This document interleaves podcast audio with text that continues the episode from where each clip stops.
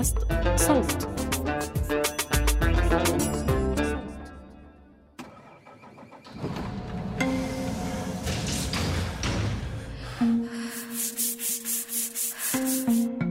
العمل بيجمعنا كبشر ولكن ظروف عملنا مش وحدة ولا بتتشابه بتفاصيلها رغم تقاطعها من الخارج.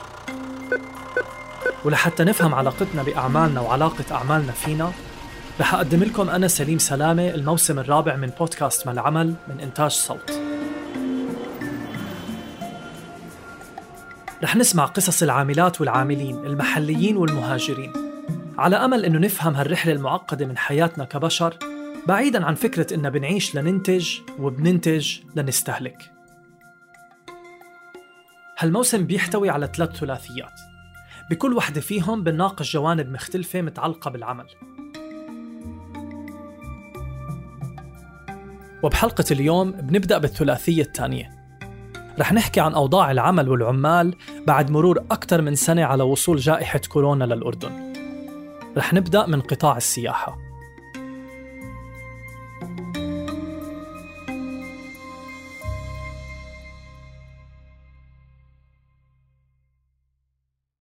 سبع شهور تقريبا كانت الفرق بين المكالمة اللي عملتها مع دليل السياحي علاء خليل واللحظة يلي عم بحكي معاكم فيها هلأ. وقتها كنت عم بعد تقرير صحفي عن الأدلاء السياحيين وتأثر دخلهم المادي بسبب جائحة كورونا وعن دخل علاء وعيلته اللي تحول حرفيا لصفر دينار. ما كنت بعرف إنه هاي رح تكون آخر مرة رح أحكي معاه فيها. لما كنا عم بنحضر لحلقات هالبودكاست تواصلت معنا الصحفية والباحثة منار حافظ وكانت حابة تشارك قصة علاء يلي بتعكس قصص أكثر من 1200 دليل سياحي بالأردن. يلي بسبب الإغلاقات الناتجة عن جائحة كورونا والقرارات والقوانين اللي تبعتها كانت أوضاعهم عم تتجه من سيء لأسوأ. ولأنه منار كانت غارقة ببحثها وعاشت التجربة كطرف أول قررنا أنه بدل ما أستضيفها نقدم الحلقة أنا وياها. القصة بلشت إنه بعد أشهر من انتشار فيروس كورونا ولسه الحرب العالمية والمحلية شغالة لمواجهة الوباء بلشت أشتغل على بحث حول الوضع السياحي والأدلاء السياحيين تحديداً. وقتها تواصلت مع علاء خليل. علاء بتفرض عليه طبيعة عمله في قطاع السياحة بالعادة إنه يكون دخله يومي حسب الجروبات السياحية والقدرة على العمل يعني ما في دخل ثابت أو أمان وظيفي. المهم مسكت التليفون ورنيت على رقمه وردت علي زوجته تغريد سألتها هل ممكن أحكي مع علاء؟ هون قالت لي إنه علاء توفى. توفى بتاريخ 23 10 2020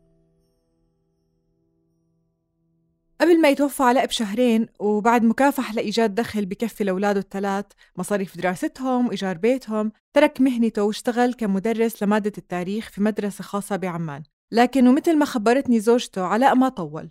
بعد أقل من شهرين أصيب بفيروس كورونا وصحته تدهورت. للأسف الفيروس تغلب عليه لما كان عم بيحاول يلاقي نافذة لو صغيرة حتى يعيد إنعاش وضعه ووضع عيلته من جديد. للأسف إنه الفيروس ضغوطات الحياة كانت أقوى من علاء وكانت أقوى من جسمه وتغلبت عليه وما قدر يتحمل المرض وتبعاته بالإضافة لكل الضغوط النفسية والجسدية اللي واجهها. كل هذا الحكي أدى لأنه بالآخر يفارق عيلته ويتوفى.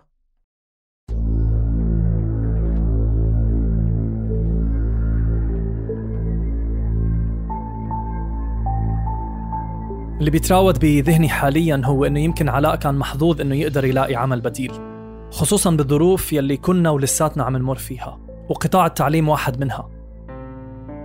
لكن لو علاء مثلا ما كان عنده أي فرصة إنه يلاقي شغل بديل مثل كتار غيره من الأدلاء السياحيين شو كان نوع الدعم يلي ممكن إنه يتقدم له للعاملين والعاملات بهالقطاع؟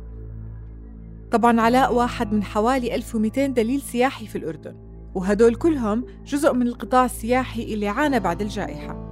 القطاع بكل ما فيه من موظفين وأصحاب مشاريع صغيرة ومتوسطة وكبيرة من فنادق وبيوت ضيافة ومكاتب سياحية وحتى المخيمات. مزبوط في عدد كبير من مخيمات وادي رم تسكرت والموظفين خسروا أعمالهم ورواتبهم من غير تعويض أو مساعدة. الموظفين يلي أغلبهم يا إما من سكان المنطقة أو المناطق المجاورة أو عمال مهاجرين. غير هيك لما أجريت مكالمات مع عاملين وعاملات بفنادق 3 ل 5 نجوم قالوا لي إنه عم بيتم الضغط عليهم بشتى الطرق حتى يقدموا استقالاتهم حتى يبين طردهم قانوني. لأنهم لما يقدموا استقالاتهم تسقط عنهم التعويضات يلي ممكن يحصلوا عليها إذا مكان العمل وبهاي الحالة الفندق طردهم أو أنهى خدمتهم.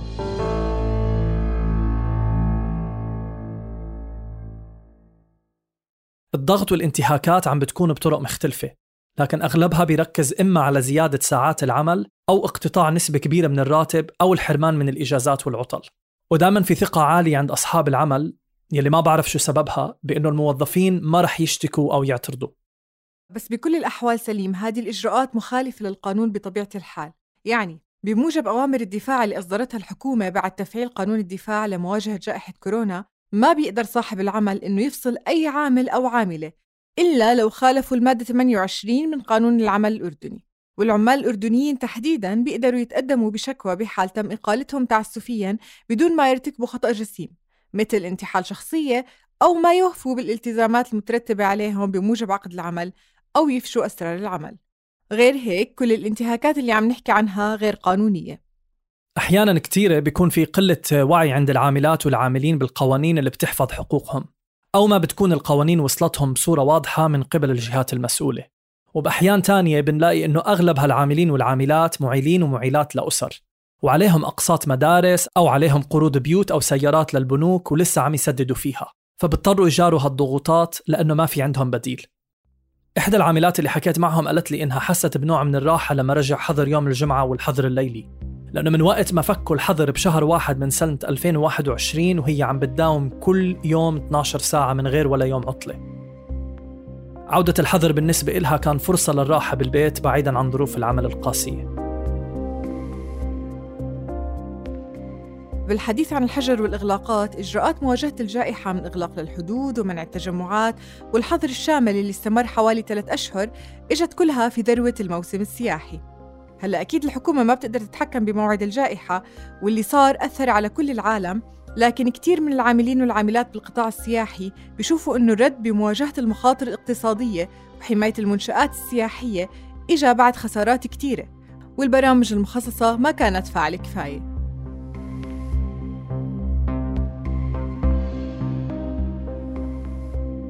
من بين البرامج اللي طرحتها الحكومة كان إنشاء صندوق المخاطر السياحية بقيمة 20 مليون دينار لدعم القطاع السياحي وتقديم المساعدات والقروض. الحكومة كمان عملت برامج بالتعاون مع مؤسسة الضمان الاجتماعي زي برنامج استدامة المخصص للقطاعات الأكثر تضرراً وقطاع السياحة أحدها.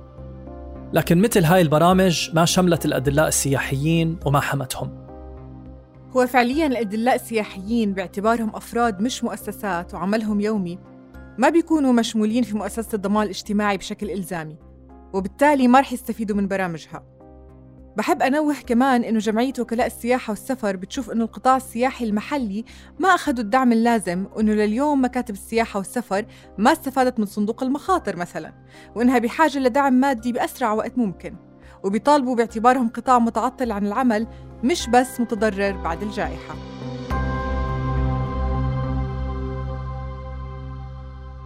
ممثلين وكلاء المكاتب السياحية عقدوا مؤتمر في منتصف شهر ثلاث أعلنوا فيه إنهم رح يسكروا أبوابهم وهددوا بتسريح موظفينهم وموظفاتهم. شافوا إنه هذا الحل اللي ضايل لهم إذا ما استجابت الحكومة إلهم.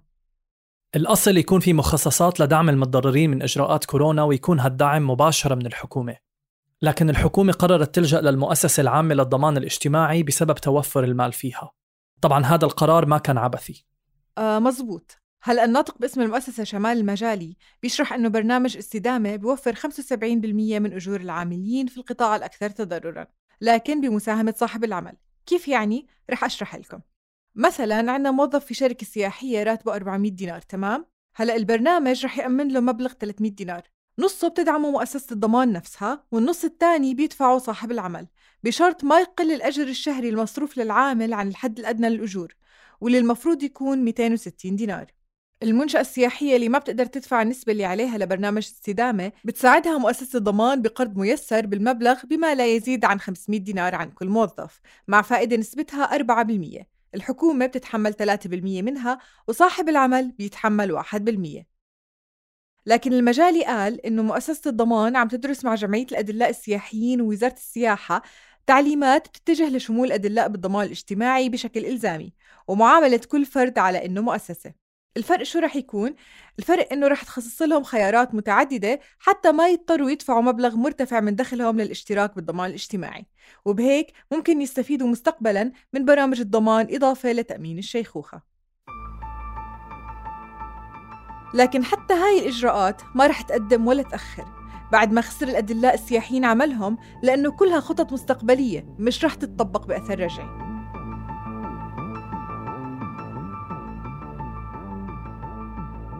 برضه بأواخر 2020 وافق مجلس الوزراء على تحمل الحكومة نسبة 2% من الفائدة المفروضة على قروض الأدلاء السياحيين الممنوحة لهم ضمن برنامج البنك المركزي لدعم الشركات الصغيرة والمتوسطة. هالبرنامج اللي أقر في منتصف السنة الماضية بيشمل تسهيلات للمنشآت السياحية وبيسمح كمان بحصول الدليل السياحي على قرض قيمته 5000 دينار بيتقسم على دفعات بدل رواتب. يعني مبلغ ال 5000 بيتوزع على 10 أشهر بكل شهر بيتلقى الدليل السياحي 500 دينار. لكن كمان مرة هيك رح يكون الحمل على الدليل السياحي أو العامل اللي مضطر يسدد القرض حتى لو كان بصورة آجلة أو ميسرة. هلا بتقول جمعية أدلاء السياح الأردنية إنه حسب آخر المعلومات بلغ عدد المستفيدين من برنامج القروض 350 دليل سياحي من أصل 600 قدموا الطلب. خالد دليل سياحي من اللي تواصلنا معهم وعنده أبناء بيدرسوا في الجامعات. هلا خالد بيدفع قسط قرض بنكي حق بيته. زوجته مدرسة في مدرسة حكومية وحسب ما بيحكي كان وضعه كتير ممتاز قبل الجائحة والموسم بالنسبة له كان مبشر. هلا خصوصا إنه دخل أسرته كان بيوصل أحيانا 4000 دينار بالشهر. هلا يوميته كانت بتتراوح بين 80 ل 100 دينار بس بعد الإغلاقات خسر كل دخله. المبلغ اللي كان يدخره عم بيروح أقساط تعليم أبنائه ومصاريف الحياة اليومية وقسط البنك. خالد بيشوف إنه القرض ما رح يكون معين لإله. ليه؟ لأنه ال 500 دينار ما رح يغطوا كل مصاريفه. هلا برأيه إنه هذا كمان قرض جديد وبيوم رح يضطر يسده ويعيش فترة إضافية من حياته في دوامة قروض تواصلنا مع أدلاء سياحيين تانيين وقالوا إنهم ما قدروا يحصلوا على القرض لأنه أحد متطلباته إنه ما يكون عليهم التزامات بنكية بأكثر من 200 دينار بالشهر. وهالحد الأدنى كتير منخفض. كونه زي ما حكينا من قبل كتير ناس عليها التزامات وقروض إما لبيوتها أو سياراتها أو مدارس أولادها وجامعاتهم.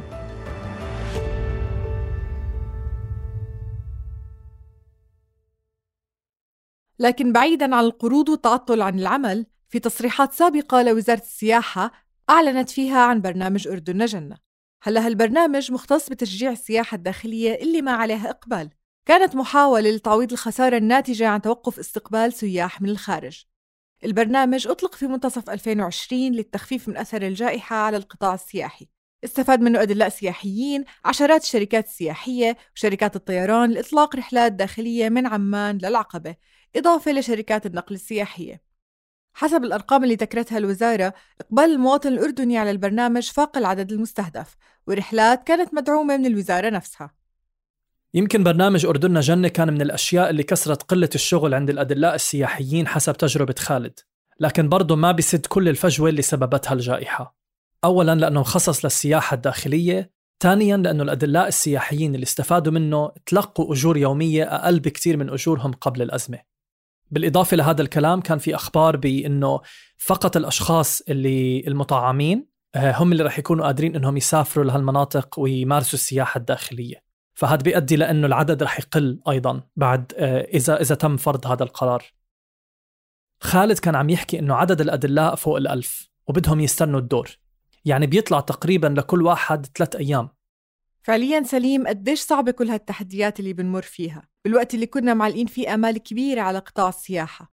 الإحصائيات الرسمية عن الدخل السياحي في الأردن عام 2019 كانت عم تحكي عن ارتفاع بنسبة 25% مقارنة بسنة 2017 مثلا. عدد العاملين في مختلف القطاعات والأنشطة السياحية صار أكثر من 53 ألف بهداك الوقت. لكن بعد الجائحة وبحسب أرقام البنك المركزي الأردني تراجع الدخل السياحي في الأردن بنسبة 76% في عام 2020 مقارنة ب 2019 في أرقام حديثة صدرت عن دراسات أخرى بتحكي عن نسبة أعلى من هيك وصلت ل 86% مع عودة تفشي الفيروس رجع تجديد الإجراءات وفرض حظر التجول لساعات أطول غير عن الحظر الشامل يوم الجمعة.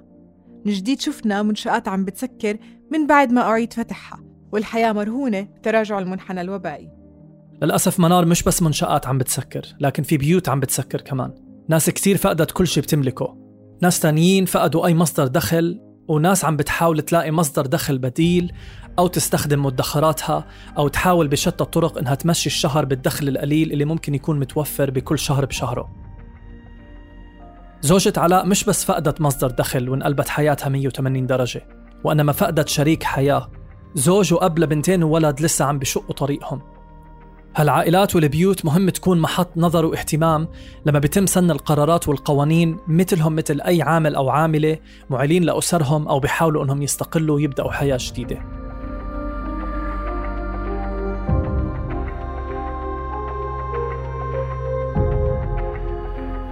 رح نكمل بحلقتنا الجاي حديثنا عن آثار الجائحة على القطاعات الرئيسية بالأردن. رح نروح سوا على الغور لنعرف شو عم بيصير بالقطاع الزراعي والفلاحين والفلاحات. تابعونا عبر جميع منصات البودكاست. كنا معكم من الإعداد والتقديم سليم سلامة. شاركتني في البحث والكتابة والتقديم منار حافظ. من التحرير محمود الخواجة ومن هندسة الصوت محمود أبو ندى والنشر والتواصل من إشراف مرام النبالي وبيان حبيب. بودكاست ما العمل من إنتاج صوت.